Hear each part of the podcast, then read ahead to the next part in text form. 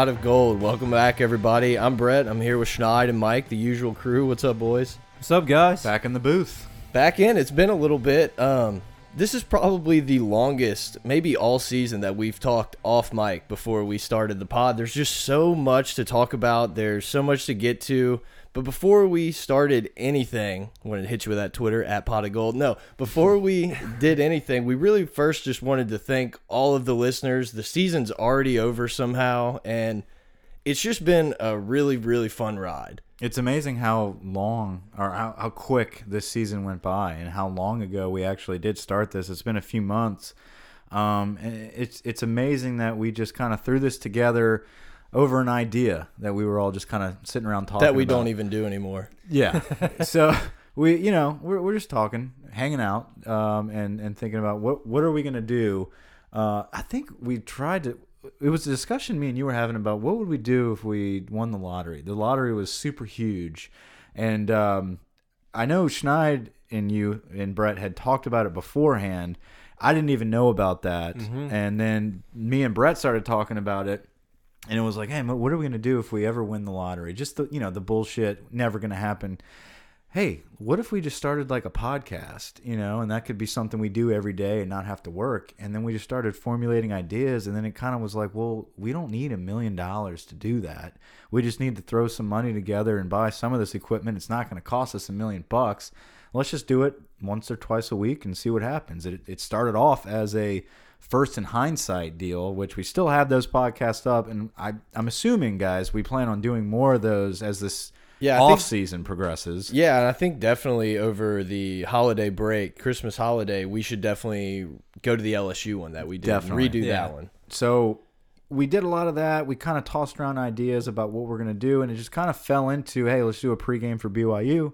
And then it turned into a post game, and then it just we developed a rhythm of every week we're doing something, and the followers just started flooding in, and every every week it's just been exciting. And i look forward to this every week. And and it starts with our listeners. It starts with our followers. And we just as a group we just want to thank y'all for keeping us going. We would not be doing well yeah we'd do it even if people weren't listening. But it helps. It really does help um, to, to hear the feedback from you guys. Um, Yeah. I mean, dude, the listener support, the listener interaction has been great. And speaking of like, you know, us kind of working into the schedule that we have, a lot of that started with the fans. Remember, you know, they were like, oh, yeah, you know, it's Wednesday, so there's probably going to be a new pot of gold out today. We're like, well, I guess we have a schedule now, guys. So Right. it kind of just morphed into this thing. And it's just been great that, you know, everybody's enjoyed it because, I mean, it's been a new thing for us and it just took off way faster than we thought it would. Yeah, and, and we, you know, I was talking about it early with with y'all. Is everyone's got their hobbies, and we all do different things. But it, it's fun to do something that no one else really does, and, and not a lot of people that we know, actually nobody, has a podcast, and it's something unique. It's fun to do, and it's something we can do that we're passionate about. We're passionate about LSU sports in general, and it's something we grew up doing. We all went to LSU, and uh, we're huge fans, so we can talk about it freely, and it's fun. So uh, we also all have jobs, and we're we're grown adults. Uh, Unfortunately. yeah. So you know, sometimes when we when we don't do the podcast on schedule, it's not because we're lazy and we don't want to get in the studio. It's because we probably have a work obligation, or you know, wives and and all that good stuff. So. Yeah, and I mean, you know, like you said about the hobbies, uh, sometimes even when you get a hobby, you're like, oh, yeah, I guess I'm going to do this. I guess I'm going to build this today. And that's just, it's different because every week, every day, I'm just like, yeah, when are we podding? I'm looking forward Yeah. to it just because it's so fun to get in there with you guys and just chop it up. And, you know, that's what we've been doing. And the good thing is, we had a flood of emails come in, and I didn't really understand why. And I was like, oh, yeah, the season's over. It makes sense. But there were so many emails coming in just full of support. We had one from our guy Jason in Ireland, another Jason that was a BR transplant, lives in Texas now. Um, so many people. Josh, I think, hit us up. A guy Bradley. I mean, so many. We had another Jason for another Baton Rouge. We've got quite a few Jasons. email Yeah, big name. But they just kept pouring in saying, you know, we love that you guys just kind of talk and don't get too nerdy, which, you know, we're not nerds here. We're, No. we're men. Yeah. And, but it was just, it's so cool to see because a lot of the talk before we started doing this podcast, I know Schneid was like, well, what if it sucks? What if people don't like it? And I kept saying, who cares? Like, what does it matter if two people listen and that's you and me? Like, it's, Yeah. Yeah. Exactly. and it it's turned into something a lot bigger and it's not over. Like we want to make this way bigger. We want to do things branch out of just LSU, Yeah. and I, I, you know, I think for our fans, we're going to be getting you guys a lot of stuff, and we hope you like it. And your feedback is what makes it better. Yeah, and, and like Brett talked about, speaking of feedback, those emails were great, and we, we want to single out a couple of them. Um, first off, the Jason from Ireland. It's just really amazing to have a listener, you know, in another country. It's just it's mind-boggling to think about. Um, but just technology nowadays, you can send this stuff off and anyone can listen to it. It's good. It's great to hear from people like that, letting us know that their passion of LSU football is kept fed you know uh, their hunger is fed by us and, and and it's crazy to think about our ideas that we pop around together can be thrown into this microphone and listened to in Ireland and this guy gets his fill so Yeah. that's awesome man and we really appreciate appreciate your feedback and then our buddy uh, Jason in East Texas man you had a, a pretty detailed email about um, the actual experience of coming back after leaving Baton Rouge in 2005. Um, there was some concerns that you talked about. Is that fire, that magic, still there um, in Baton Rouge, in LSU? And it's you know, you have a very specific date there of 2005. That is, and like you talked about, that is the glory days. That was the upbringing of this LSU program. The the I wouldn't say resurrection of the program. It was the building of this program into its glory days. So it was not a facade of we were just young and growing up and ooh everything just looks so bright and shiny because we don't know what this is. No, we were living in a time of LSU football growing up where it was new to win national mm-hmm. championships. It wasn't expected. It was so amazing to experience the come up of this program and all of a sudden we are signing the five stars and we are keeping the top dogs in the state and it's exciting to be in that environment. And like you talked about how you can feel it in the streets all the way on the other side of Baton Rouge. You could feel it across the state. Um, that feeling is still there. It's just not as noticeable because we are we already we're already there. You know, it's not new anymore. And a lot of the fans have become spoiled and expect it. They expect a national championship. I was looking at the replay of the the A&M game and just kind of thinking about some of the records that Etling set, um, the records that Derrius Guice has has set uh, having a nine and three record, it, those are great things, and we kind of forget to experience the moment and kind of enjoy what we have instead of constantly thinking, well, this season's a scrap. Next season we'll probably be in the championship. It's like, man, just settle down and watch and just look at what you're witnessing and really appreciate it. And I think that's the difference between now and then. Is people did that back then. Yeah, and the thing that kind of got mentioned in this email is the air felt different, is I think the term he used, and I kind of agree. I definitely agree with him. I think it's different. Um, we used to be so happy to be there. You know, it was like, oh my god, look at the pretty lights, like Right. we're here, and now it's it's not only expected, it's it's like expected or it's a complete failure, and you know, you can keep turning around to the Troy loss and stuff like that, but I think overall LSU is a program, and I think it's with a lot of programs in college football, mm-hmm. maybe all of them, that there's just not that same 100% all in, like this is all we do type of mentality. And there could be dozens of different reasons. You know, I said stuff, I, you know, we were going back and forth, and I said, you know, it could be that people's attention spans just aren't there to watch a four and a half hour game no no access to your cell phone and stuff like that. I think another big thing we've touched on in our pod a lot Joe Alleva seems to have pushed out more of the diehard fans for in lieu of like the corporate culture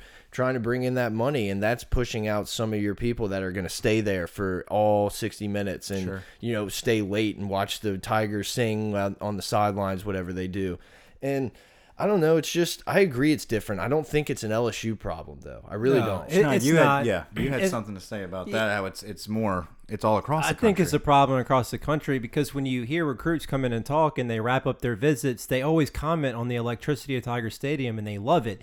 And they're going on visits and they're visiting so many other programs. So they're making that comparison relative to other visits they've made and they love LSU. So I think it's really it's a problem everywhere because you know us we're very passionate LSU fans. So we watch every single game and we're watching us play, you know, UT Chattanooga and we're like, "Oh, it's empty." Well, if you were watching Alabama Mercer, it's probably empty too. We're just watching the marquee games for other programs and if you were to watch their lesser opponents, it's probably empty. So I think it's just a problem everywhere and it's you know, it's just different now. When I went to games for three or four hours, I didn't look at my phone. Now these kids are Snapchatting the entire game, or they got celebrations where they're flashing the, the camera on their phone for half the game. It's just different. Yeah, I was telling you before, um, we're not that far removed from being in that stadium as students and student sections. And I feel like just everything is so different. It's crazy now. how much has changed in that short amount of time. Yeah, it's really weird. I mean, just everything. Yeah, um, I, I was fortunate enough this past game. Uh, we did get our, our media passes. Boots on the we, ground. We had we had a boots on the ground action thanks to um, the stepchild of uh, Zombie Bob. He likes to he he's got an alias. His real name will not be discussed on here, but he he just likes to go by a simple Butt B U T. All right. Now double T. We'll do the double T here. um, this guy, he came through. He's he's from up north. Uh, he's got some ties to the program, um, but he hooked us up. So I was boots on the ground. Big shout out to him. Thanks a lot. The experience was great. We got to go hang out in the press box. Um, got to be on the field. Got to see some recruits. Um, you know, saw Will Wade, Bill Wade. There he um, is. Was was standing with us. Um, but as I was on the ground, um, I, I was looking into the student section. I kind of like had a moment where I was thinking it'd be kind of cool to just kind of you know during the game because during the game you have to leave. Like you, you can go there pregame. Um, and then when the first quarter begins, like you got to go to your seat wherever that is, or you can just go stay in the press box. Um, and then you can come back in the fourth quarter. So when the game was starting, I was thinking I might just go hang out in the student section for a little bit. But it was just so different. Like I looked around. First off, the kids looked like they were twelve. Like I, I just I felt like I would literally be that old guy. I'd probably immediately be on like the dance cam because they'd be like, "Oh, get the dad," Get the old you know, like get the, get the old guy on there.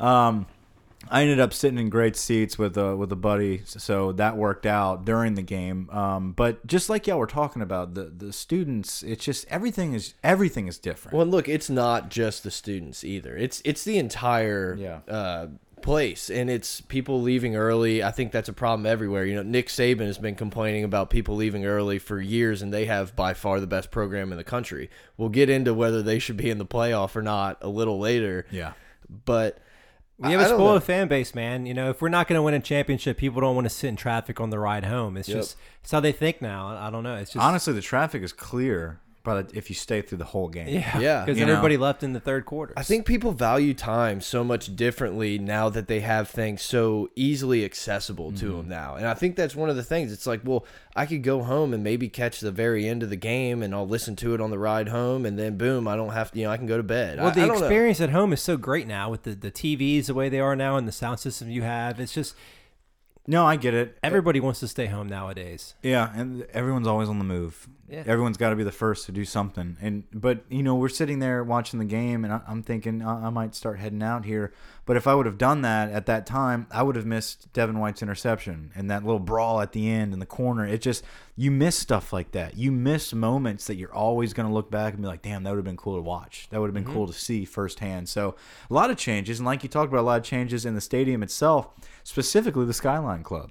And we had a man, uh, one of our biggest followers, Mistborn, he sent us a, a Twitter video of him reviewing the Skyline Club. He's This- officially the unofficial oh, pot of, go, pot of gold correspondent. The We got to get him on the payroll, man. the official unofficial reviewer. Like this guy sends us this video. I, I swear it looked professional. It looked like he had take how many take I want to know how many takes it took. Over under three and a half. I, I can't wait for him to listen to this and eventually tweet at us the He's number. to say, it took me six, okay? Yeah.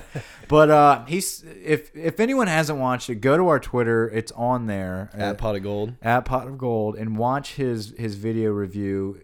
guys, maybe this can become a trend. We want y'all to start sending us reviews of different things about LSU, and then also send us, you know, suggestions about what you want us to do. Mistborn has started the whole interaction. He is The, tip of the spear. he is the leader of the fan interaction for Pot of Gold. Yeah, so we he- appreciate that. He's man. the tip of the spear, no doubt. But like you said, I mean, it was great. He had a little review. He wasn't a fan of the beer in the Skyline Club. Piss water. Not a fan of the food. cold. I love how he tried it all though. Like Yeah. he, he got Well, to the uh, not, gonna not the not. nachos though. no, no, he tried the nachos because he got to the uh, red beans and rice. He's Red like, beans and rice I didn't didn't try try. Those, right, but everything right. else is like he must have tried. Yeah, nachos, hot dogs, and hamburgers. He was, Yeah. It's good. No, it was a great review. Uh, we got we got a lot of laughs, and uh, we we actually really appreciated it. It was pretty cool. Um, being at the game, being on the sideline was great. Got to see a lot of recruits. Uh, I was telling you guys before, Justin Rogers is huge. I had no idea that kid was that big. Terrace Marshall uh, looked like he was having a great time. His whole family was just decked out in LSU gear. They seem they're like they're uh, they're into it, and that that should be a good sign because Mama knows best. Um, sounds like you and Kardell Thomas are friends now too, well, right? okay, so me and me and uh, me and Butt were standing on the sideline, and you, you can't go past like a certain point, you know, unless you have like a certain pass. There's so many passes Only down certain there. people. right? Um, and then so like we're shoulder to shoulder. We don't want anybody to get past us. And then the recruits start coming, and they all start filing in. We're like, all right, these guys can obviously get in front of us, and so you know, get the experience, guys. So they're in there watching it, and Kardell Thomas comes out late, and he's, He's just an like offensive lineman or defensive lineman? He's an all- he's a five star line, number one offensive lineman in the country. I knew. I year's just wanted our listeners to. Southern Lab, big kid, big big kid. Just a bully. yeah, but he so he starts moving through the crowd and he kind of moves us through, and Butt looks at him and it's just kind of like, man, who who is this guy? Because he like moved him out of the way, and I slapped him on the back and said, "That's our boy Kardell Thomas." I just kind of gave him a little pat. He kind of turned. He's like, "Yeah." Yeah, he just kept on walking, you know, like one of those things. And I, was like, I- yeah, you see my rivals page? Sup? yeah. So I really wanted to just like dig deep into conversation, but I, I didn't. I want to be like, hey, you sticking with us? You, you got to stick with us here. yeah. And then uh, Tyrion Davis and another guy were standing in front of us. What was funny is like the younger recruits, like the sophomores that were standing there. And uh, during this time, we were looking at the Iron Bowl was on, and it was just amazing that these guys, like their conversation switched to like, oh, Auburn's pretty good. And like now they were talking like Auburn on the sideline. It's like anybody that like just beats Bama or something, they're just like, man, we should start looking at Auburn now. And like I was kind of frustrated at that because people were like clapping. It was great that Bama was losing, but it's like I wanted it to be all about us at that moment. And uh, it was. It eventually turned into that. You could see Canada calling a passing game. The Yeah. biggest recruit there was Terrace Marshall and Justin Rogers, and we put on the best performance possible for those guys. And Odell being on the sideline was excellent. Yeah, that worked out uh, well for everybody. we have to. It's a must. It's coming soon. We have to talk about Matt Canada, but first, let's talk about a little bit about the Texas A&M game. Yes. Let's get that. I mean, just a typical LSU Texas A&M game. It seems like we've watched this game a bunch of times in the last few years. Texas A&M made it a little dicey towards the end of the half, and then Derrius Guice, Derrius Guice, you know, Chark played really well. Darrel Williams. yeah, Darrel Williams, man. Like Darrel Williams. I'm You gonna talked about miss- his- I'm gonna miss Darrel Williams. you talked about his draft stock rising. I mean, that is just a complete understatement. Mm-hmm. This dude went from off the radar to like in the middle of the radar. Him and Russell Gage have raised their draft stock more than any two players on our team. I feel like. I mean, dude, just what they've been able to do as seniors. This is this is what you want from your senior leadership. And, and you know, for this game, for our seniors to perform so well. I mean, JD Moore had that hurdle and a touchdown. He made up for his fumble. Yeah, it's, Yeah. it's great. I feel great for those guys, and I feel great for Danny. You know, he's played his two best games against A and M, and this is kind of what we predicted, right? We all wanted to pick Yeah. him as our player of the game before the game because we knew we had Terrence Marshall and Rogers coming in, and we were going to throw the ball. And you know, we got the best from Matt Canada on this last game. It was great to see that happen. We Mm-hmm. always talk about it. I'm like, man, the recruits are going to be watching this one. I hope this happens. I hope that happens. It happened. And Finally. it- yeah, it finally happened, but it all came together so smoothly, man. Like the, it wasn't just, oh, we're going to throw a bomb or we're going to it was it was precise, well called plays, but it was big acrobatic catches too. Like these these guys were in position to make a great play. Chark had a great over the shoulder catch. Um, Gage's catch in the end zone, that slant where he just kind of shook the guy and froze him and cut inside. You couldn't have thrown a better ball. And yeah, it- it, they it seemed like they were running like very polished routes and stuff Yeah. like that. It wasn't necessarily let's drop back and heave it and let somebody run under it. Uh, it just looked like it just looked like an offense that was finally starting to really click. and what what I know it's also- A and M. No, it, it. it is. But hey, guess what? We play them every year, Yeah. and we, you know, it, it, the A and M's, the Ole Misses, teams that don't have excellent defenses, you have to expose them. Those are the ones where you better expose it. Um, and it doesn't matter to these kids. It's about stats. It's about hey, if I'm going to play A and M, am I going to block the whole time? No, you're going to score touchdowns. You're going to get big catches. So. I think it was great to see, but what also was good to see, and I'm hoping that Rogers and Terrace Marshall kind of noticed was there was a lot of guys wide open that didn't get the ball thrown to them mm-hmm. because we're we're still missing that that dynamic quarterback that can see the whole field and not just key in on a couple good spots. Danny did a hell of a job and he's done a hell of a job all season with what he's capable of doing.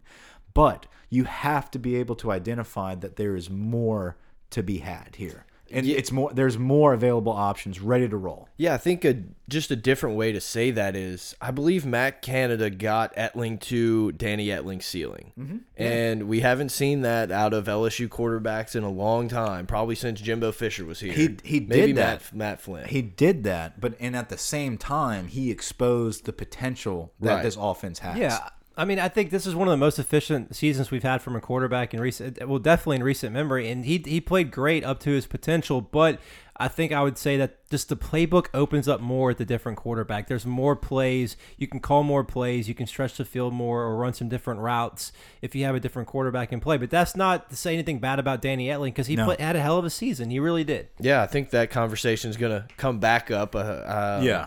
Devin White with an interception. Donte Jackson finally. held Speaking on of Devin one. White, how he's not on any award list here. No. you know, the That's Butkus. Award. it's, It's, just incredible. It just shows you how it's just a popularity contest. yeah, that's all it is. It's ridiculous. Who's good? You know, uh, what team is good? Who can we pop up? It's ridiculous. So before the game, we are standing there, and someone shouted at him.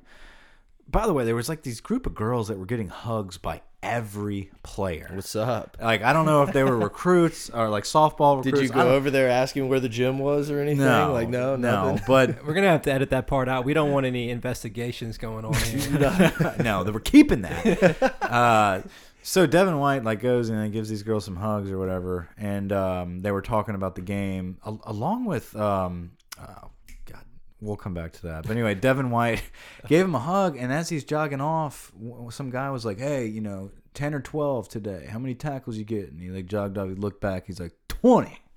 I'm like, okay, this guy's getting 20. You know, we're all, everybody starts laughing, like, 20. Brad Wing, that's who it was. Oh, there you go. So Wing was standing there, and like, hugging these chicks, talking to him, too. I'm like, well, how do, how does, like, Devin White, Brad Wing, and, you know, Spanning generations. these random people just, like, giving these hugs? It was weird. Anyway. He has tackles, man. He can get tackles as many as he wants. He is the most dynamic defensive player on our field, and it is a shame that he's getting left off the Butkus award list for one thing. I mean, that's mm-hmm. ridiculous. He's doesn't he lead the SEC in tackles? Mm-hmm. Yeah. he may lead the country. I don't even know. So Yeah, and anyway, what's crazy is Devin White is not at his ceiling. Devin No. White is not even close to his ceiling uh, at LSU, in the pros, anywhere. I mean, this dude, just so much potential. Watching him play is really fun, and I'm sad it's already, we only have one year left It, of it it. makes you so excited just to see how this defense progresses in the next season under Dave Aranda because he's Mm-hmm. made such a huge jump in one year under Aranda, and so is Rashard Lawrence. So just Two if he great can, leaders exactly. also. If he can stay in this program and these players keep developing under him, this defense can be an Alabama type defense for years to come. if- Absolutely. if we keep him. Yep. And and you know what? I think we can be even better than an Alabama defense. I really do because I feel like Alabama's defense depends so much on their talent, and you have seen that this season mm-hmm. when the injuries. Now with LSU with Dave Aranda, you are being coached from the ground up. You have got these guys that are learning pure technique and sound assignment football. It's not just we're going to blitz here, you bull rush, you outpower him. You know, I'm not saying that's as simple as Alabama's defense, but what I'm I I really believe Aranda's defense is more complex and taught more from the ground up. And then if we can keep him long enough and keep this little system moving, we will get those five stars at every position. We're we're looking at that next season at D line. Our our entire D line next season will be five stars. Our linebackers will be led by Devin White, who will be the number one D linebacker in the country. I don't care who else is in the country. That's the number one guy. And then at defensive back, you're you're littered with talent. So You're not going to run out of DBs at LSU. no. Next year, this defense eh, with, with with the third year with Dave Aranda is going to be unbelievable. Mm-hmm. Yeah, I mean, obviously, hopefully Dave Aranda stays around. Hopefully, no one comes calling and he leaves. But on that note, it seems to finally have like boiled over. We've been kind of hearing some of these rumblings for a while, just from like random spots, and haven't really dealt with it. But it seems like Matt Canada may be coaching his last game, maybe have coached his last game at LSU. It's kind of weird. It's a weird situation. It's an odd down. situation that I don't want to buy the rumors yet. We're Not yet. Yeah, we're not. We're not in that boat where we're we're making any announcements here. Uh, we are simply relaying the message that's been talked about. You'd have to live under a rock if you haven't heard it, though. Um, Ed Orgeron did say in his post game, it was asked of him um, you know, is there any truth to you know Matt Canada and th there was there was an issue with Matt Canada and Ed earlier in the season, so it's always been like this subtle. Are there issues there? Are you looking to do something else with your offense? Is Matt Canada leaving? And so those questions were kind of brought up, and Ed immediately shot back with kind of a, a very quick answer that he, Ed knew the he question knew what he was, was, gonna coming. right. Yeah. He knew what he had to say was, yeah, I'm prepared for it. Like he knew, yeah, Matt's looking for a head coach job. I hope he gets the opportunity, and uh, we're prepared for that if it happens. Like it's been known amongst the staff, it had not been known amongst us. So that was new. So this is new talk, and it turns out he did apply for the Rice job. He interviewed for it. Was it today? I think so. Or I saw a different report that he didn't have interest in the. I, I'm not sure what's going with the Rice job, but I just think for him, whether or not he gets a spot is going to be up to him and what his what is. Does he have realistic expectations of what he can do? Because Matt Canada's not getting a Power Five head coaching job. He's Oh, going to have to go to a smaller school, and he's going to have to make less money than he makes at LSU to get a head coaching job. So I don't know if he's overly confident, thinks he's going to walk into like a, a bigger program than he really is. But it's just going to depend on him and what, What, his what's going to get him expectations to are. a big program is being the the savior of this offense at LSU. Yep. That that will get your name into what I think happened was he saw all of these big time openings all across the country, especially in the SEC. and said, "Why not? Why is my name not being Right, mentioned?" and he's Yeah. probably a dick, and he's probably Yeah. just like a, an egomaniac. I'm I, I don't look. I think he's done an amazing job with the offense. and we want him to stay. Right. Like I'm not saying he's a dick and like I hope he leaves. I'm saying I, I think that's just who he is as a person. And he's probably just like, I'm just as good as any of those guys that are tossing their names in the hat. I'm gonna I might do it. And Ed was like, All right, you know what, fucker? I'm gonna fucking, you know, get this shit going. I'm gonna I'm gonna have an answer for these people when they say what happened with you and Matt Canada. Well, he's been searching for a head coaching job. Yeah, I think Matt Canada's resume kind of shows he's not the easiest to work with. You know, obviously you can blame point fingers here and there and say this guy did this, but I don't know. It's just hadn't been in many places very long. NC State kind of mysteriously let them go after he was really doing well with Jacoby Brissett and that program. Uh, I don't know. It's just interesting. I mean, I feel like maybe if it actually happens, we'll have more to say on this. But I think Yeah, we, we it- want Canada to stay. No, yeah, that consistency is so important for this Mm-hmm, team right now, and we just talked about how improved and how incredible our defense is going to be. I mean, hands down, it doesn't have potential; it's going to be there. Like we're we've finally gotten to a point where the guys are developed,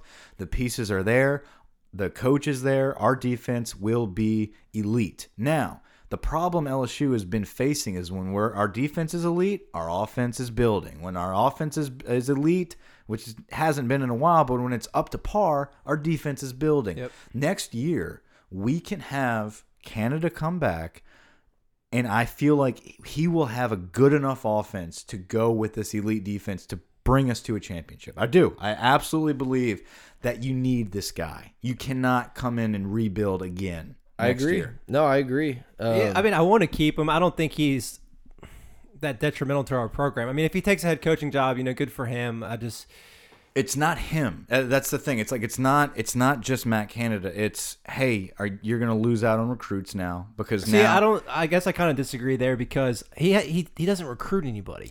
but they want to see this off. They don't want to be promised what is going to happen. They want to Yeah. know. They want to see it. Like Justin Rogers just said in his interview, I wanted to see what Matt Canada could do after a full season. I didn't want to come and visit LSU in the beginning of the year and just hear empty promises. I wanted to see it actually happen. So all of a sudden, they're going to be recruiting with another OC with empty promises all over. again. Yeah. Now, if it's Ensminger, okay, you have something to point at. Not that that would help anything though.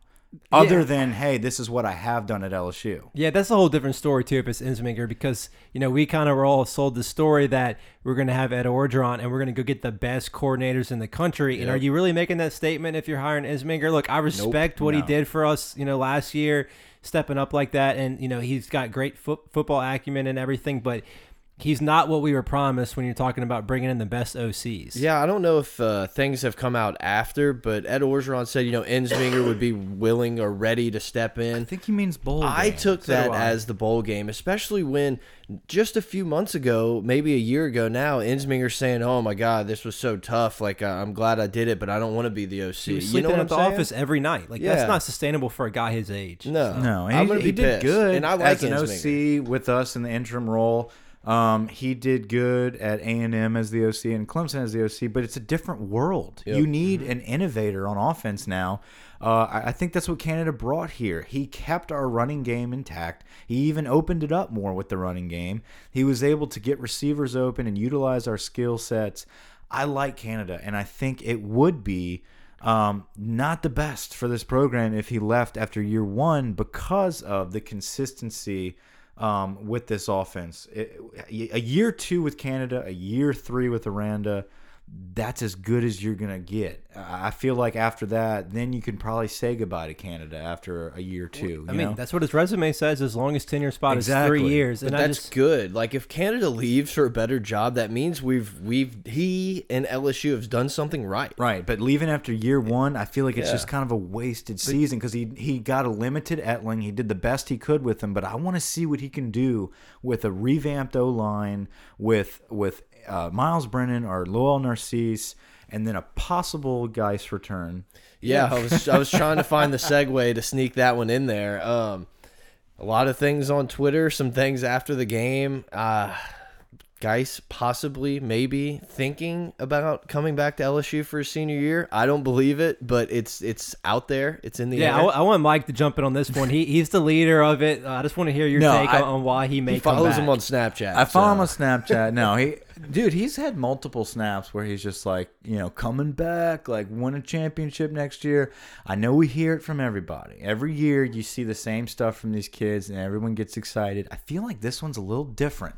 I don't know if it's just because it's Derrius and he's just such a passionate guy for LSU, or just a genuine, honest guy. Like I feel like he wouldn't mess with the fans like that enough. Um, and I also feel like Ed's post game, where he wrapped him up by the headlock and said, I really want this guy to come back next year. I'm going to recruit this guy to come back for me. It's like Ed doesn't do anything without a sales pitch. There's a reason for every comment that comes out of his mouth. There's a reason he says go Tigers after every single interview. Yeah, you can think what you want about Ed Orgeron. He knows what he's doing. It's a calculated. Every word out of his mouth is calculated. You can think, oh, he's just this Cajun big old bear and he's an idiot, but he he gets it. Yeah. he's the car salesman that you're like, oh, this guy, but he's always the lead in sales. yeah. You know, No, absolutely. And so I, I feel like with that, you were led into believing, hmm, Ed's gonna try his ass off to keep Derrius Guice. And if if if anyone on this football team can be convinced to do something by Ed Orgeron, I really believe Derrius is gonna show him that respect. Should he? That's a whole nother story. Everyone knows he shouldn't do it. Uh, From a financial standpoint to a running back longevity standpoint, everyone understands that. You're not going to convince anyone otherwise. But what I'm saying is, I think there's a bigger possibility here than of any other player to come back. I think Guice wants to come back, but I also think after the bowl game, or I don't know, it may be now some agency's going to shove this little piece of paper over saying this is what we're going to pay you if you sign your name right now.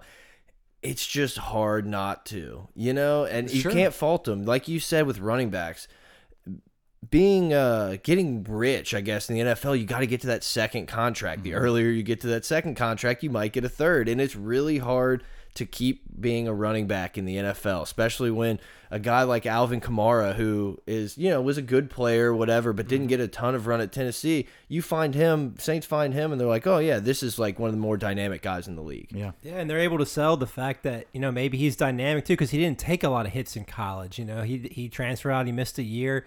It's just, I, I don't. I mean, like you said, I don't see him coming back.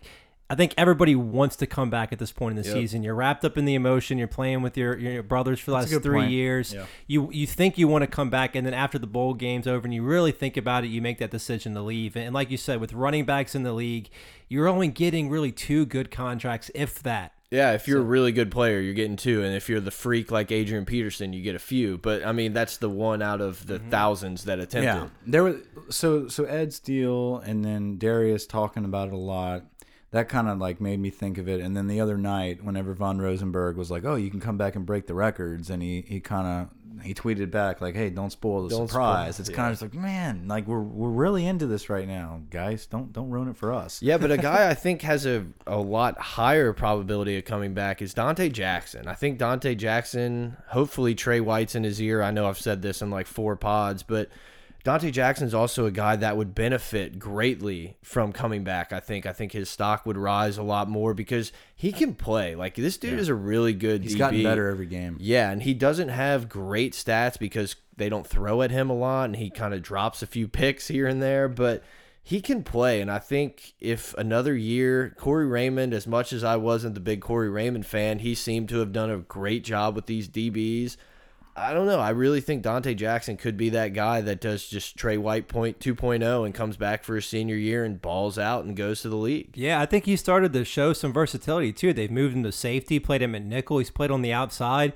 He's a guy that in another year playing like this, you can really sell him on multiple positions in the league. And you know, sh- he needs to learn to catch a little bit. He finally caught one against A and M. I'm so happy for But him. a year after that, I mean, dude, he could definitely raise his draft stock to a first round type pick. He needs to hang out with Greedy more. Greedy catches everything. Dude, greedy. Oh, I He's can't. such a beast, man. So that guy can play. Speaking of some of the coaches, uh, I know we talked about Canada, and I know we talked about Corey Raymond just now, but what a job Grimes has done with this offense. We line. were calling for his head. Yeah. I mean, weeks ago. I'm screaming for Tony Hall. Week one, whenever you know Coach Hall over there at Kansas is, is sitting there scooping up Louisiana players, and I know he's got an O line background. I was calling for him to be the next O line coach.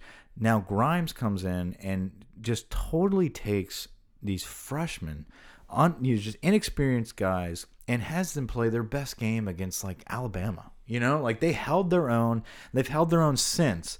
In the beginning, it was very shaky, very scrappy, but they have decided to improve every single week, and we get them all back next season. So I think that's an excellent job by Grimes, and he's recruiting well. We just got Damien Lewis. I think his name's Damien Yeah, Lewis. JUCO guy. He's uh, I mean, if we keep Canada, he's perfect for that system. He's very athletic for a big guy. He's great on the pull blocks. He's not like so much of a downhill type blocker, but he'd be great in that you know side to side system. I think this would be a great time to to talk about a little bit of recruiting real quick. Um, you know, I, I know we talked about some of the guys on the sideline and all that good stuff, but we just got a big commitment from the 2020 defensive tackle uh, out of Mississippi, who's easily the number one player in Mississippi, and He could fight for number one in the country. in the country. He's that good. So imagine if we hold on to him, and then the year before was it uh, the year before the number one player in the country is a defensive tackle out of Amite with Ishmael Sopsher right? Uh, 2019.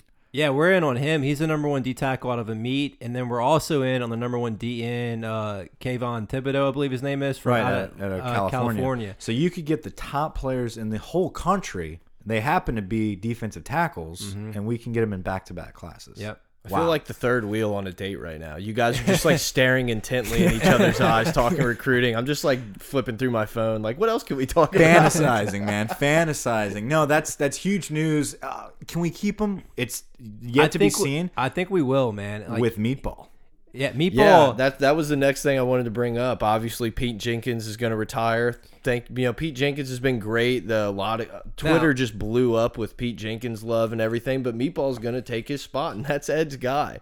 What what a what a couple years for this. What a rise, huh? Yeah. Yeah, I think And I like him. I think Dennis Johnson is a much better recruiter than we think. I agree. I think that is one of the He's- main reasons. I think that's why Ed like Yeah. saw him and was like, He- "This is my guy." He's an elite recruiter. I mean, people don't know his name yet, but he locked down uh, Chase uh. Chase on for us last yeah, year. I He- think Ed sees the way he interacts with these kids. Mm-hmm. I, Ed feeds in on shit like that. I think he sees how these kids uh, are are attracted to this guy, the way he speaks, the way he holds himself. He's young.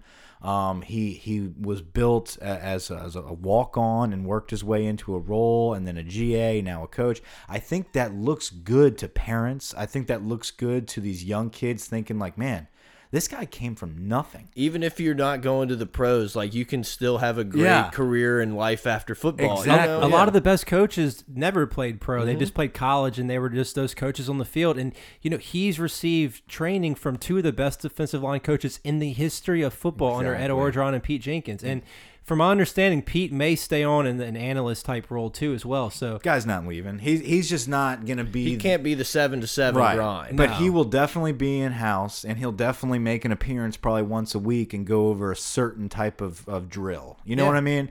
And I feel like these D linemen, man, Sopsher and and the the guy in 2020 from Jackson. Mississippi, Jackson. These guys see that they see that they're going to be coached every day by this young, great coach, this up and comer, but. At the same time, they've got the confidence and the, and the comfort and security in the back of their head that we're still going to have a Pete Jenkins every now and then come in and talk to us, who's a legend. But at the same time, our head coach is a D line coach. Yep. So we're not missing anything.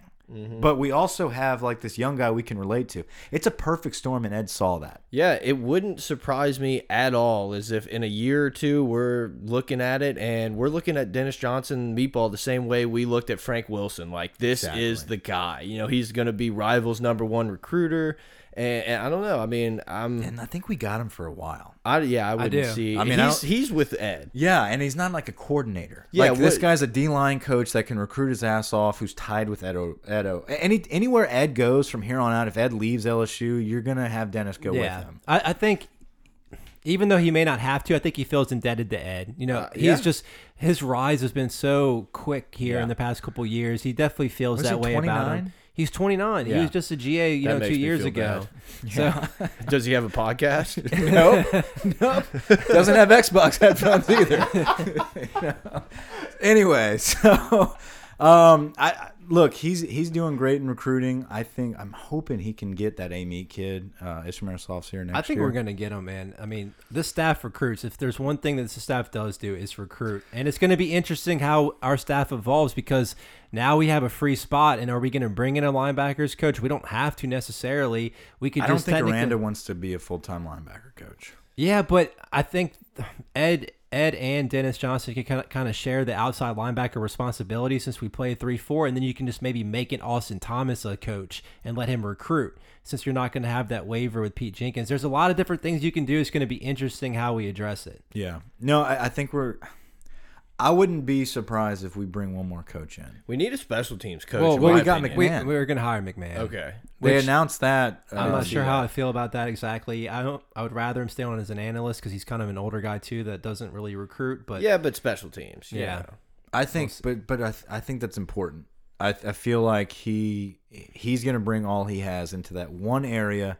He's got great pro history. I, I Mm-hmm. think that'll be good there. And if you know what, if if he if he can't get our special teams turned around, he'll be an easy axe. I Well- think he'll he'll get kicked out quick. And I mean, we got recruiters. You know, we took Right. Corey Raymond is a great recruiter. We get top DBs all the time. Uh, Grimes, like you said, is just crushing. I mean, we have recruiting. Yeah. I think a lot of these guys really like Dave Aranda. He's just uh probably a little different than all these other coaches, and I, I don't know. I think it was great yeah. seeing bullish on the team. He uh Aranda made an in-home visit with Micah Baskerville last night, and um, you can just see these guys really like Dave Aranda. Like the, the families respect this guy.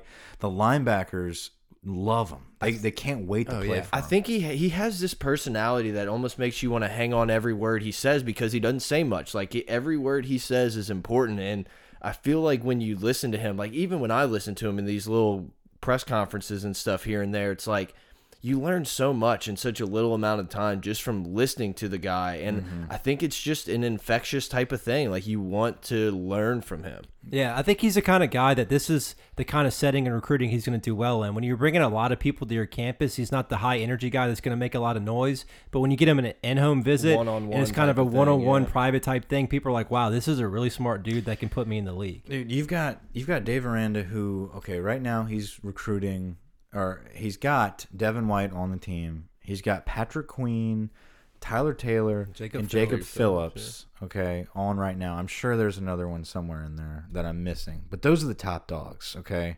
Um and then you've got Baskerville and Damone Clark coming in. Two two of the top linebackers in the in the state, okay? And Dante Starks the year after And is the Dante number Starks- one inside linebacker. Yeah, in yeah, the country. Dante Starks. Listen, no, let's I'm fill you in, in, dude. Brett. I'm Let's all fill in. I'm just tired of not getting looked at over here. Dante, Dante, Mike on the left. We're, we're, I'm sitting here just having a, a really good moment with Schneider. It's one on one, like literally ice cold over here. Dante Starks. Thank you. Okay. He, he announced today actually he's going to come back from Mississippi. He's going to be playing at uh I, have to, I've got to give John- Schneid this one because I know? Schneid saw this. He's going to be back at John Ehret. He left John Ehret. I don't know. So many dudes come from Eric, man. They they Ehret's always stacked, man. It's, Yeah. it's like the mm-hmm. West Bank team that's just like just recruit it. Just park yourself right here and recruit it. Speaking of, you sent me the link to the Covington Hahnville game. Did That you see Puka? That dude, man. It's dude. We lost him. I don't think we're gonna get him. I don't know. I don't care. He's good. Like wherever. Every go time to, he- go to Kansas, fine. Every time, yeah, exactly. Like, if you're gonna go anywhere, probably get the JUCO, hell maybe? out of here. Yeah, I, go- I'm going to comment on it because Danny Don posted it, and it's Oh, uh, there you go, Dandy. It- It's a, a free website everybody can read, but we're making progress with him, and I think it's going to be him or Harold Joiner. Um, him but, or Harold Joiner. yeah, I don't think we're getting both because the thing is too is the new rule with recruiting and the the early signing period. So now you can sign uh, early in Dece- December 20th through the 22nd. You're hard capped at 25 now. So we're not able to sign the 27, 28, 29 people that we thought we were going to be able to sign. We're going to have to make a decision between between the two of those guys, and it's starting to look more and more like Puka may be that guy. Does Puka have the grades? yeah, that's the thing. If we lose Joiner for Puka, and Puka's like, "Yeah, I was I'm gonna lying. go I to got EMCC, and then I'll be at Auburn next Right. two years. Well, it's Like- not going to matter when Derrius Guice comes back, right? He's going to have that year. Yeah, that'd be nice. But if we, mi- you know, if Derrius Guice leaves, which probably probable, I'd love to have a Joiner. You know, replace him, the number one running back out of Alabama, to be ours. I, I would love him too. I I guess for me, But- it kind of depends on who our offensive coordinator But is. if Puka Yeah. has the grades, Come this guy, dude, is the guy. He look, he doesn't have to play running back. Put him anywhere. Put the ball in his hands. He mm-hmm. is our return man from day one. You just see, you know, those there's those those guys you just see, and you're like, yeah, he needs to be on the field every every time you can get him the ball. Get him you the ball. can't not have Yeah. him on the field because even if he's not doing anything, he causes you have to pay attention to. Yeah, and he's not playing like bullshit football here. He's at Hahnville. He's in like the semifinals now. Like he's and he's just dominating. It's like it's not even fair. If he doesn't score, it's because there was a flag. It's Yeah, like he's unstoppable. It's Yeah. it's it's hard. To, he's got another gear, watch. and if he's not getting the ball, he's laying your ass out as the lead blocker. And he's like five eight. He's just so he's Kamara but strong. Like he's just dynamic. Yeah, he's the guy that can break the game open against Bama for us because he's just got that You've got yeah. playmaking ability that we haven't had. Exa- You've got those guys that you just see. I remember being at LSU's practice as a student, and I, I saw it was when Odell. It was the first time they allowed Beckham to return kicks, and it's like it was one of those first practices, and we hadn't seen it yet, and you just saw that f- just the first time he did it, and you're like, "Yep, Yep. Like no one else is going to touch the ball. Like everybody on that team can probably return." But then there's just that one guy that just does it a little differently. You saw it with Mathieu at St. Aug. I was just, about to say, remember when we saw Mathieu take a punt? We're like, ah, is this guy like the guy we won? He's like five seven. and then you 100 saw him and with then the we're like, yep, ball. he- You're like, that's him. it. It doesn't matter what his size is. I And remember then- I kept saying, how can we get this guy on offense? Because Yeah. Tyrann Mathieu was so dynamic with the football. just shakes you out of your shoes. That And then, Georgia one, that in that SEC Oh, championship God, yeah. game. but like that's that's what Puka does. It's not. It's just like you can't touch him, and then he accelerates like on a dime. Just on drop of the hat, he'll accelerate faster than anyone you've ever seen. You got to get this guy. You got to sign him. And, and if he's got the grades, that is your guy. He's Yeah. he's the game changer. So I hope to God we didn't just go on about Puka and like he signs with Kansas. But tonight. yeah, it is what it is. Well, I mean, if you're an LSU fan, you you don't want him to sign in the early signing period. You you're hoping that he's going to push this decision back to February, and that gives you an extra two months to recruit him. And that you know, at that point, if he doesn't sign early with Kansas, then I think you can just make not- the assumption that he's probably going to go to LSU. they not fired Kansas's coach. How does Who he you gonna keep hire it? at Kansas? But he won. No, did he win one game? one or one or two games this year. I don't know. You got to get somebody. I guess. I mean, I. Although Greg Schiano's available. Oh my god, dude! I think we almost like didn't talk about the Tennessee. I know we, we still have some coaching. This is going to be a long podcast. Well, okay, I think we're pretty much wrapped up with recruiting Yeah. here. So Yeah. we want Puka. Uh, Devonta Jason got kind of kicked off of the visitor list because we wanted him alone, and because we didn't want to split the attention with Terrace Marshall, and he got you know pissed off and was like, "Well, I'm not coming now," all this kind of stuff. Um, Yeah, we'll see if they can patch that up. I mean, I think there's just some Listen. misunderstanding. He wanted to be an official, and we're like, no, dude, it's going to be an unofficial visit if you come, or you're not going to come because we have all these receivers. you have had plenty of time to commit Yeah. to LSU, and you backed out of your commitment to LSU. So if he wants to come crawling back, and we don't we don't have room because we be got on Ed's terms. Right, Exactly. exactly. Because if we get Puka, Terrace Marshall, and you know whoever else we want to get, we're not going to take Devonta Jason whenever he wants. I'm, I'm fine with this. We're finally doing things on our terms, and from what I understand, we've we've talked to players like, look, we want to sign everybody that's committed in this early signing period, and if we don't, we may move on from you because we have bigger fish to fry. If we don't, like We are could finally doing it on our own way. we could get Justin Watkins and Terrace Marshall, I think we will and and so we say goodbye to Devonta Jason then. at that point. Yeah, Yeah, and so. that's fine because Yeah. guess what, buddy? You've had plenty of time to commit to Yep. us. You shouldn't have decommitted and committed to Kansas. It's the same thing with Harold Joiner. If you wanted to be a Tiger, you've been so close to committing numerous times. If not, we'll take Puka, and you know we're going to be happy with it because the dude's a hell of a player. Exactly. Anyway, ton of recruiting news coming your way. I really feel like that could be one of our main segments moving forward in the offseason. Oh, yeah, I think we're going to talk a lot recruiting. We're going to dig deep into that and really focus our efforts into that. Um, we're not going to be a recruiting podcast by any means, but I feel like we're going to have way more material to bring you um, after this season wraps Mm-hmm. up. So moving forward, we really wanted to discuss the coaching just carousel that is happening right now. Specifically, look, Big Orange Mac, you're gonna be pissed off here, man, but you have a disaster happening in Rocky Town. It's unlike anything I've ever seen. I was telling you guys before, it's unbelievable to me that this internet mob decided that they didn't like Greg Schiano to be their football coach. So they take this hearsay little nugget that he possibly maybe third party heard that Jerry Sandusky was doing all this. I, we don't even need to get into it. Right. Everyone knows what was going on at Penn State. And they ran with it like a mob. It was unbelievable. because they thought they were getting Gruden, and all of a sudden they hear Schiano, and they're like, "Oh, whoa, no, no, no, no, no! We, We need got to the wrong Bucks Yeah, we need to go ahead. We need to go ahead and uh, make this shit up, and and then just run with it and get rid of the guy. It was unbelievable, and, And they're getting what they deserve right now. absolutely, I don't think. I mean, man, why would you want to go there? If you're head coach, I wouldn't want to go work for this ad administration. I No. wouldn't. And, and their quarterback even commented on Twitter that Pandora's box has been open. When you let the fan base pick your coach, so what's to stop players now from saying, "I don't want to play for this guy. I'm not playing for this guy. You know, I'm going to pick my own coach." It's it's just crazy what's going on there for such a big university. It's Yeah. it's a very powerful university. This is this is a, a a campus that is beautiful, a program with so much potential and history and pride. They these these guys have not been dominant at football in a long time, but they're so hungry for it. They've struck out on coaches left and right. And they just blew it, man. Like they had the opportunity right now. I'm not saying Greg Schiano is like the best hire in the world, but you are not going to get anywhere close to that now. nothing. No, it's like Brett was talking about before the podcast too. They're talking about bringing in Mike Gundy. Why wasn't Mike Gundy called before Schiano? Like That- he should have been your number one candidate. That blew my mind. After the Schiano stuff, it's like, hey, yeah, we're gonna see what Mike Gundy's interest is, and I was like, wait a second, like, so in you guys scroll of potential coaches, it was Gruden, whom whomever, Schiano, and then Gundy. Like, what? How is that possible? That doesn't make sense. But then this Jeff Brohm stuff comes out. Not sure if it's true, but apparently Jeff Brohm and the AD at Tennessee agreed to terms. The And AD Brohm is from Purdue. Purdue, Right. Yeah, he was a quarterback at Louisville Yeah, under and he was um, coach of Petrino. Petrino, and then he coached at Western Kentucky two years ago. Yeah, he's this is his first he's year legit, at Purdue. man. He's good.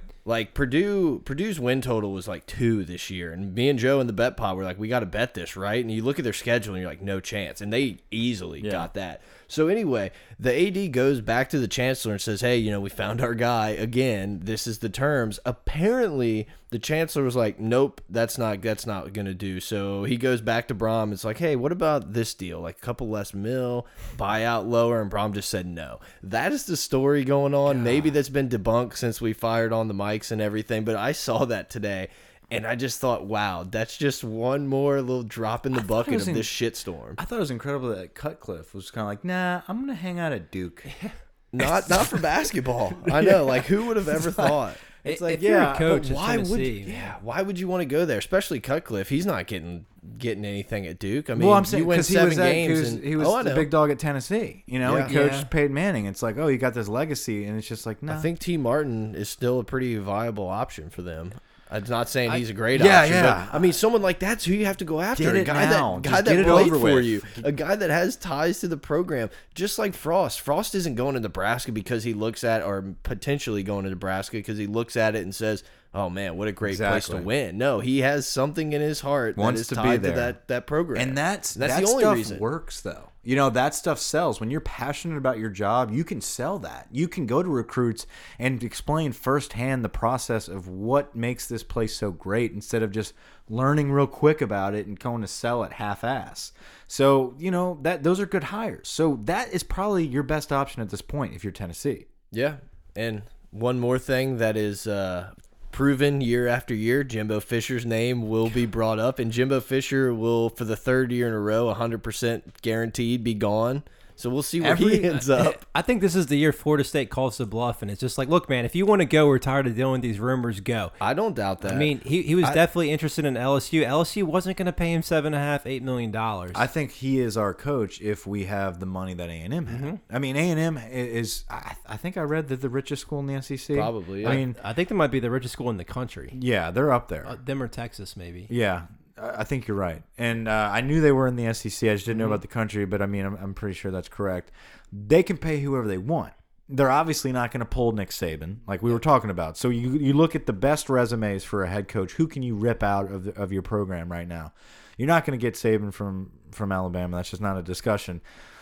You probably no. I mean, Urban Meyer is one of those things. It's he's tied to Ohio State. You're not pulling him. Nope. Um, Dabo, you're not pulling Dabo. you're not.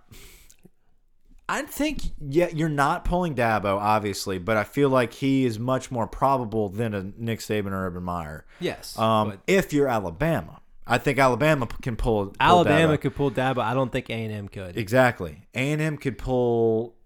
The next biggest name is what do you Jimbo think Fisher. about Gary Patterson? Do you think A and M would make a? I you think know, he just Texas signed an guys? extension with TCU. I don't think he's going anywhere. I don't either, but I'm saying yeah, I feel think like you that's could a guy. have. I think you you could know? have. I think you could have pulled him. I think Jimbo's resume is just better. I think it's hey, Oh, you've yeah. won a national championship. You've you know won multiple ACC championships. Mm-hmm. You're in the recruiting championship every year. You're a name that you can sell to these families. They know exactly who you are. It's a it's a big deal. Um, that's the best hire they could get, and that's that's pretty incredible that they're going to be able to pull it off. Good for them. Uh, but uh, like you said, I think it's more of Florida State being like, "Hey, we're done. Like you you blew it this year, and you you got the guys. You've got the five stars. Francois is a great quarterback, and look, I'm a huge Jimbo fan. Francois was going to get, cr or no matter what, Francois, new quarterback, Right. Anyone, Tom Brady was getting crushed behind that O line this year. I've always been a big Jimbo guy. He was my guy at LSU. I just I don't know if I was just like young and I thought his name was cool, but or, you know I really respected our offense. I love Jimbo Fisher at LSU. I wanted him back, but I was very discouraged with what I saw him do this season. I really did not see that train wreck happening. He did not recover. Well, and it looked like the team gave up on him. Whereas Exactly. LSU loses to Troy, and the team rallied around their. there was no recover. Where where you have an Ed Orgeron team that was just like, you know what, we're going to play for each other. We're going to play for for Ed. We believe in our coach, and he does not deserve this loss to be on him. And we rallied, and we we, we finished uh, with a very strong season. Florida State was complacent. Hesitant. They bailed on they bailed on Fisher. Um, the he, he wasn't able to hire guys that he was wanting to hire. Well, he wanted to pay more for Pruitt when Pruitt went to Alabama exactly. too. So A and M's going to give him some of this, some of these opportunities. It's not just his salary that's going up. He's going to be able to bring in people that he wants. So He'll probably keep Chavis though, right? I hope so. Yeah, me I hope so. We have just destroyed John Chavis every time we play them. Um, so we'll see what happens with their. It it's a double edged sword here. So A and M gets a great coach, and they become way more powerful than they are. It hurts us in a sense where we've got to play another tough game, but it makes another threat to Alabama. It's another game that Alabama now has to play and maybe get a loss. So it bring in, in Auburn here. So as we become stronger, A&M becomes stronger. Bama is who they are. Auburn's looking good right now. So It'll be interesting to see where Mississippi State goes in the next couple years. oh, South. Yeah, I mean, I, I, I kind of agree. Yeah, I mean that's. I've seen some people that like that hire. It's going to be really interesting. I to think their best days are behind. Them. I don't mind Yes. the hire in the fact that I think that the offensive coordinator from Penn State, Moorhead, that they're bringing in, runs something similar to what's in place at Mississippi State. I think he could do well or average with what he has. I just, I don't know, man. This- Penn State's offense isn't really that No, good. it's not that good. They had a good player. I mean, Yeah, I think and- Dan Mullen got them to their ceiling, and I he was the best that they had. I just think this coaching carousel for so many years now is going to be interesting because of this early signing period. There's pressure on these administrations to speed this process up and get somebody in before this early signing period. And with the playoffs, the best head coaches that you may want for your program may not be willing to take your call right now. So you're going to have to take guys like this and take shots on other guys that maybe you wouldn't have in the past. So with with uh, Mississippi State and Ole Miss now being up for grabs, pretty much. You know, you've got your hires; they're in place now. But the recruiting world in Mississippi now is up for grabs. Okay, because And I think you saw that with McKinley Jackson jumping on exactly. board with us. So I feel like, well, yeah. On one hand, you got A and M getting built up, and Texas may be a lot harder to recruit. You raid Mississippi for the Mm-hmm. next two or three years because Freeze is gone. They're going to have restrictions. They're not going to recruit like they used to. It's not even going to be close. Mississippi State is not going to be recruiting like a Dan Mullen's there. Um, you take over Mississippi if you're LSU.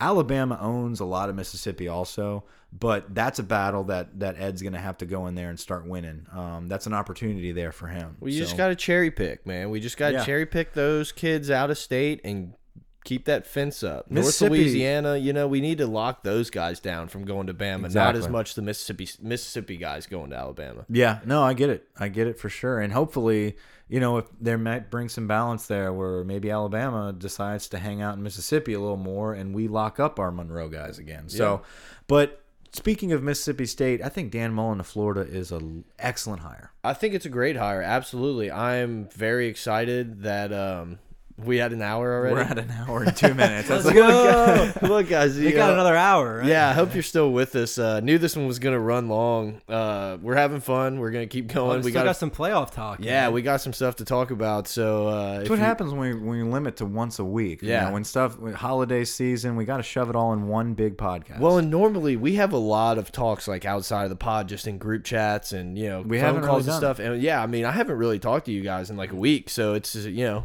hey, Asshole. Nice to nice up, to see you guys? again. but I don't know what we were talking. Dan Mullen. I still think having Dan Mullen at Florida is probably better than having Chip Kelly, minus the fact that Chip Kelly would jump to a different job quick more quickly than Dan Mullen's going. to. yeah, I think if Chip was at Florida, we would see Florida in the playoffs within two years. And then Chip might be gone to USC or something. Yeah, where Dan Mullen will bring him there in probably three, three to four Yeah, you years. know. I think I, four years. I can see Florida in the playoffs with Dan Mullen. Maybe sooner, just because the East is not that strong other than Georgia, so it's going to be a little bit of a power struggle there. And other than that, it is what it is. The rest of the East is just Some high school yeah. coach might bring Tennessee back to dominance. right? So, uh, you know, it sucks for us that our permanent opponent is Florida. 'cause Yeah, they're always going to get a coach. Yep. I mean, it's they're always going to get a big name.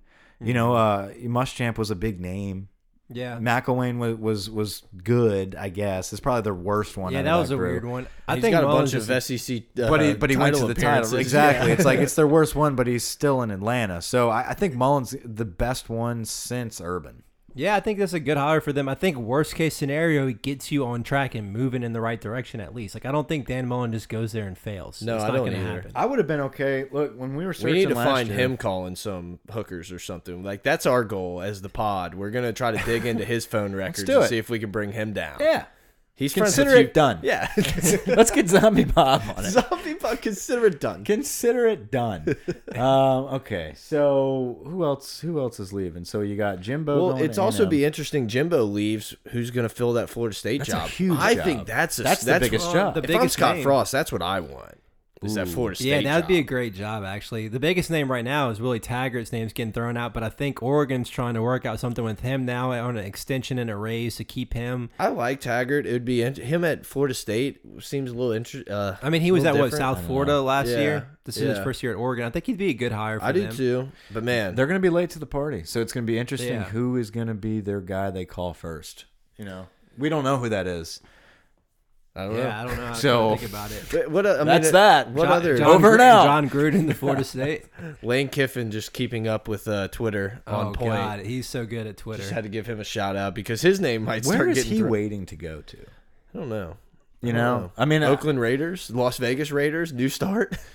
I mean, who's? I- I'm just trying to think off the top of my head, like who's what's the next big? Like, because the past two seasons, including this one, we've wiped out all of the big coaching changes. Like, I don't see any big school making a change next season. no, my dream scenario is Malzahn leaves Auburn for some random reason. To go to Lane, Arkansas. Lane Kiffin goes to Auburn and just doesn't stop trolling Saban. Like every week, he's like countdown, countdown, Yeah. War Eagle. Like that. That's my. I would almost become an Auburn fan if that happened. I I love to see Kiffin back. I, I don't know if I want to play Kiffin just because he's dirty. He'll do whatever it takes to get the recruits. I'm sure the New Orleans kid would, would just soak it up.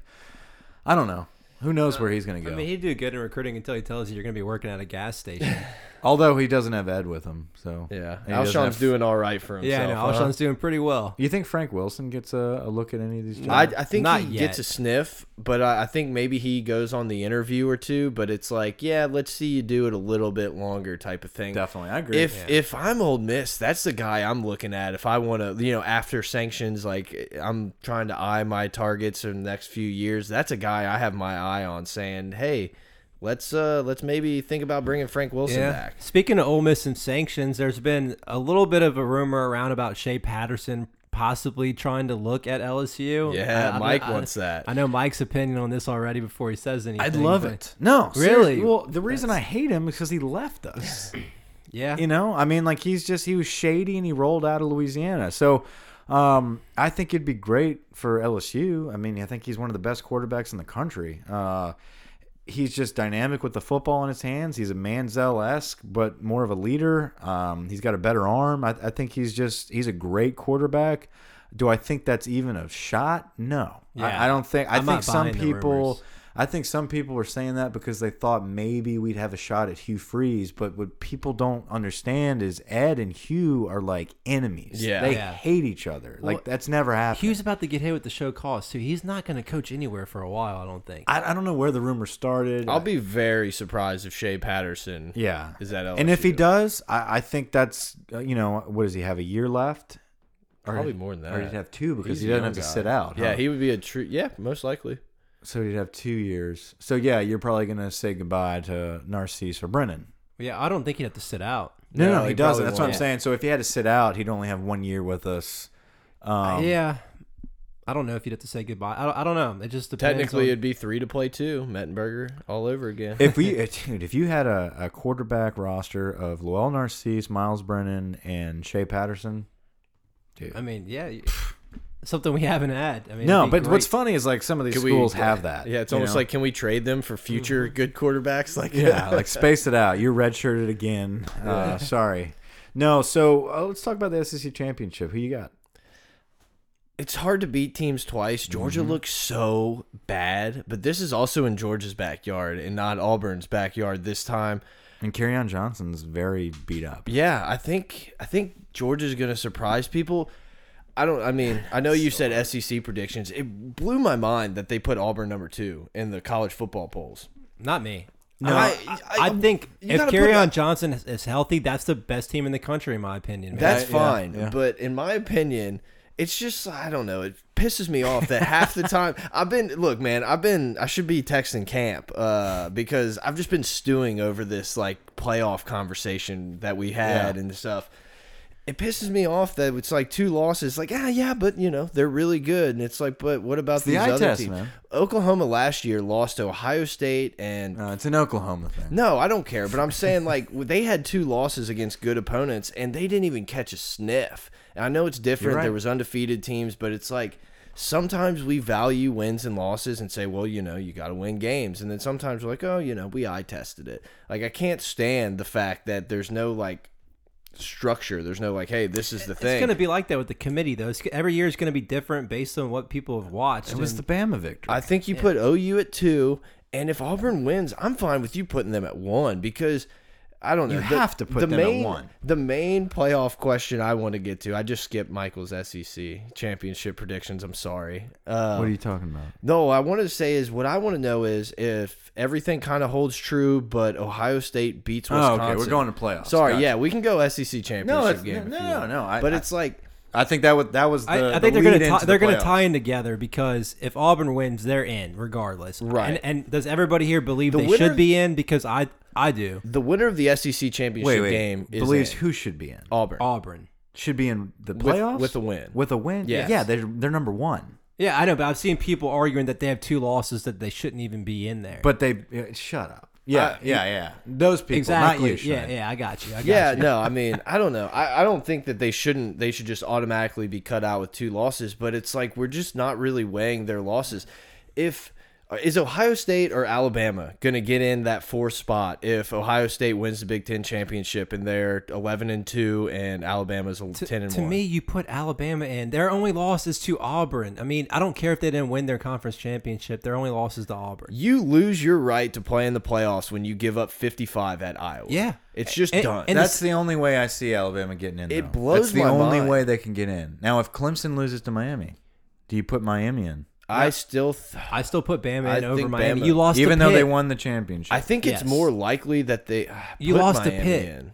I'm with you. Well, Clemson lost to Syracuse. Oh but well. they, Yeah, but- but they value Oh, conference well. champions. Yeah, the, the hardest thing with the Clemson loss is their quarterback was hurt that I don't care. I mean, I really don't. Like, I mean, you got to win games. Just because you lose, you can't just be, oh well, you know, Clemson's really good, and Dabo, you know, he brings his own guts, and you know, ah, number one. Like, I'm so sick of it. I can't stand the playoff committee. It, it just enrages me. The thing that pisses me off the most. It's the people. I the mean, I- I hate you, Bama. You said that. Yeah, It's not the committee itself. It's the people that make that committee up. It's just so random. Yeah, it Yeah. really is. But it pisses me off. I listen to like Russillo every day, and the guy who's the head of it uh, goes on there and he says, "You know, Ryan, I just wish you could be in the room. You could just guys like peek into the room and hear what this debate. Yeah, and me stuff." too. And I'm like, yeah, no shit, let me in. like, let me in. If you live feed that, that's the best ratings ESPN's gotten all year. Like, let me. They don't want us to hear that shit. No, they don't. Be- I just, I don't know. Because so- because we're gonna be like these people. yeah, I, I can't. Like what do they mean? They don't know the quarterback's name. You know, like that's what that's what would happen. yeah, I, I don't. But know. I think they look for the most part. Uh, they definitely have the top five, I'm not top saying six. Yeah, I think they're for the most part. I, I I I'm mean, fine with the rankings. I, I think a lot's going to happen after this championship. Oh, obviously, it's all going to happen after these championship games on Saturday. But I think we're going to have a clear cut understanding of okay, Auburn won. These guys, there's no doubt they're in. Clemson wins, they're in. Auburn wins, they're in. Oklahoma wins, they're in. Wisconsin wins, they're it. in. The issue comes. What if Georgia wins? I think Georgia's in. Auburn's obviously out. I think Georgia comes in, and then you have to look at what happens in the other games because uh, what we learned is there's zero chance TCU's in. Zero. They're not getting in. So if they beat Oklahoma, there's that free spot. And so I think if Georgia wins, it's a lot more dependent on what happens, maybe, uh, because I think they would get a lower spot. Yeah, Georgia goes to four. They, they're not going to jump from six to two. I mean, Yeah. like you said, though, it just depends on what happens with one and one and three. Yeah, it'd be interesting. You know, I'm kind of rooting for chaos. I hate Bama. There's nothing I want more than Nick Saban at home watching the playoff, but it doesn't mean that I can't Yeah. believe that they deserve to be in. Like, it yeah, just, I understand that. And, and guess what? If they do make it in, I don't see them winning it. I don't really I don't- either. but it's hard to bet against Nick Saban. No, it is. It is. But I mean, I, I just I think they're limited too. I don't think this is their best team. Uh, Auburn exposed them. I, I'm hoping they don't get in, so we don't have to have this discussion. But if they do, I'd love. I, don't love to see it. I'd hate to see another third year in a row of Clemson and Bama. But I think Clemson takes it to them. Yeah, Clemson's man. I don't know. I can feel like I never have a good read on Clemson. Wisconsin enough. I've only seen like bits and pieces. I don't have a good Wisconsin opinion. is they don't play They, anyone. yeah, they haven't played They do a really good job of figuring out how to win games. Their defense is, uh, once again, they don't play the best competition. Guess what? They held Iowa to 14, not 55 like Ohio State did. I thought Miami was was a top three team. I, I really believed in Miami. I thought a Friday game at noon was just a f like the day after Thanksgiving was just such a trap. Yeah. You got to be ready for the traps. No excuse. Yeah. I'm just saying like that. That's ridiculous. Yeah. Yeah, I just dropped him out of everything. So I what? So what do we know about Kerryon Johnson's injury? Because I think if he's fully healthy, I think they're probably my favorite team to win it all. If he's if he's fully healthy, It's an, it, I mean, What, yeah. Auburn. yeah, yeah. yeah. Yeah, I I, agree. I, I was think like about they're the best team in Kerryon the Johnson. I don't know how hurt he is right now, but I think they've improved every game since and that, LSU. dude, that defense is so good. Yeah, and that's one of the things that Camp and I got in a really good discussion on after the pod when a few more drinks started flowing is in my opinion, we have to figure out what the goal is of this college football playoff. Is it to find the fo the teams that have had the four best seasons and see who's the best, or it's let's see who are the four best teams right this now, moment, right. and who's the hottest team, who's progressed and gotten better throughout the year, and what team is the best? Because teams like an Auburn and stuff can can win more easily in that scenario to where it's like, oh nope, you lost, see you later, and it's just I don't know, I don't think like it's Miami, fair. like Miami right now. Miami's loss is weighted so differently than Clemson's and Oklahoma's Right. and all these other teams, and it's like I, I don't see. I think it's I don't see BS. how you get it's it. like oh, you lost in the beginning of the year, so exactly. cool. Yeah, Yeah, you can't like- punish Alabama because they lost last to the best team. if LSU loses to Syracuse, it's like haha, see you out the twenty five. Clemson does, it's like hey, we'll put you at seven. Yeah. Yeah. Like I just I don't know. I can't stand it. Give me the BCS back and let's take the top four teams I from love a the formula. BCS. From a formula that is like proven and hundred percent like this is how you do it. I love the BCS man. It's not coming back, but I loved it. No. E ESPN loves having their reveal shows. At Bill, at Bill dropped that one. I thought I'd give a little shout out. But it's true. They love they love debuting their stuff on shows. Um, I don't know. You got anything else? Think we're good. Mike's ready to eat. He's hungry. he looked at the page. He's like, all right, all right, all right. No, I'm just. Uh, I, I He don't looked know. like I want he to keep looked it like- quality. I he want to. looked like the Auburn quarterback when he's like, "Hey, Malzahn, like speed it up. Let's go, let's go." Remember when Nick Marshall used to always do that? They kind of leave the listeners hungry. No, I mean, I, look, like we said at the very beginning, it's been so much fun. The fans have been awesome. Like it's just the support we get from you guys. all Rate the and review emails. us on iTunes. Yeah. I, I didn't throw that one in there yet. We those have slowed up a little bit, so we love looking at those reviews. Not just the emails that you guys send us, but the reviews on iTunes are excellent to see.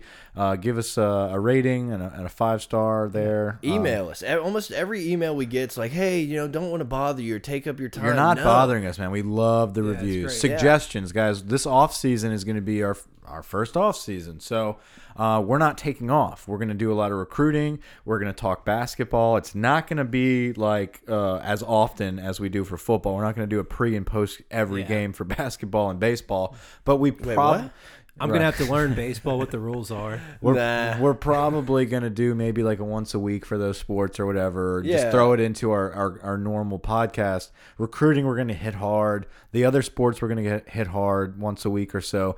But we're gonna expand this podcast into something more than just strictly LSU sports. Um, we're trying to explore those options. It's gonna be first in hindsight. But listen, we want to hear from you guys. We want to hear from the listeners and see what y'all want to hear us talk about. So this is about you guys, about about filling us in on your interests. So um, with that being said, like Brett was talking about, I just want to piggyback on that. We are so appreciative, so thankful for everything you guys have said about us and spreading the word. It's it's it's because of you guys that we're still doing this and keeping it going. And we're just getting started. This thing's going to expand. We coming. We uh we we just We're got we just got rights to a brand new studio. Um, Sorry, I couldn't. I had to do it three times. lights, studio, new mics, new everything. We got everything all set up for next season, so we're looking forward to that. And we got a sound engineer. Um, we're we're looking forward to everything like that moving forward. So At pot of gold. We've talked about the email a lot. It, pot of gold at gmail.com. Same thing with Twitter at pot of gold. It's been fun, guys. We'll be back. It's been a blast. that's it. All right, Over and guys. out.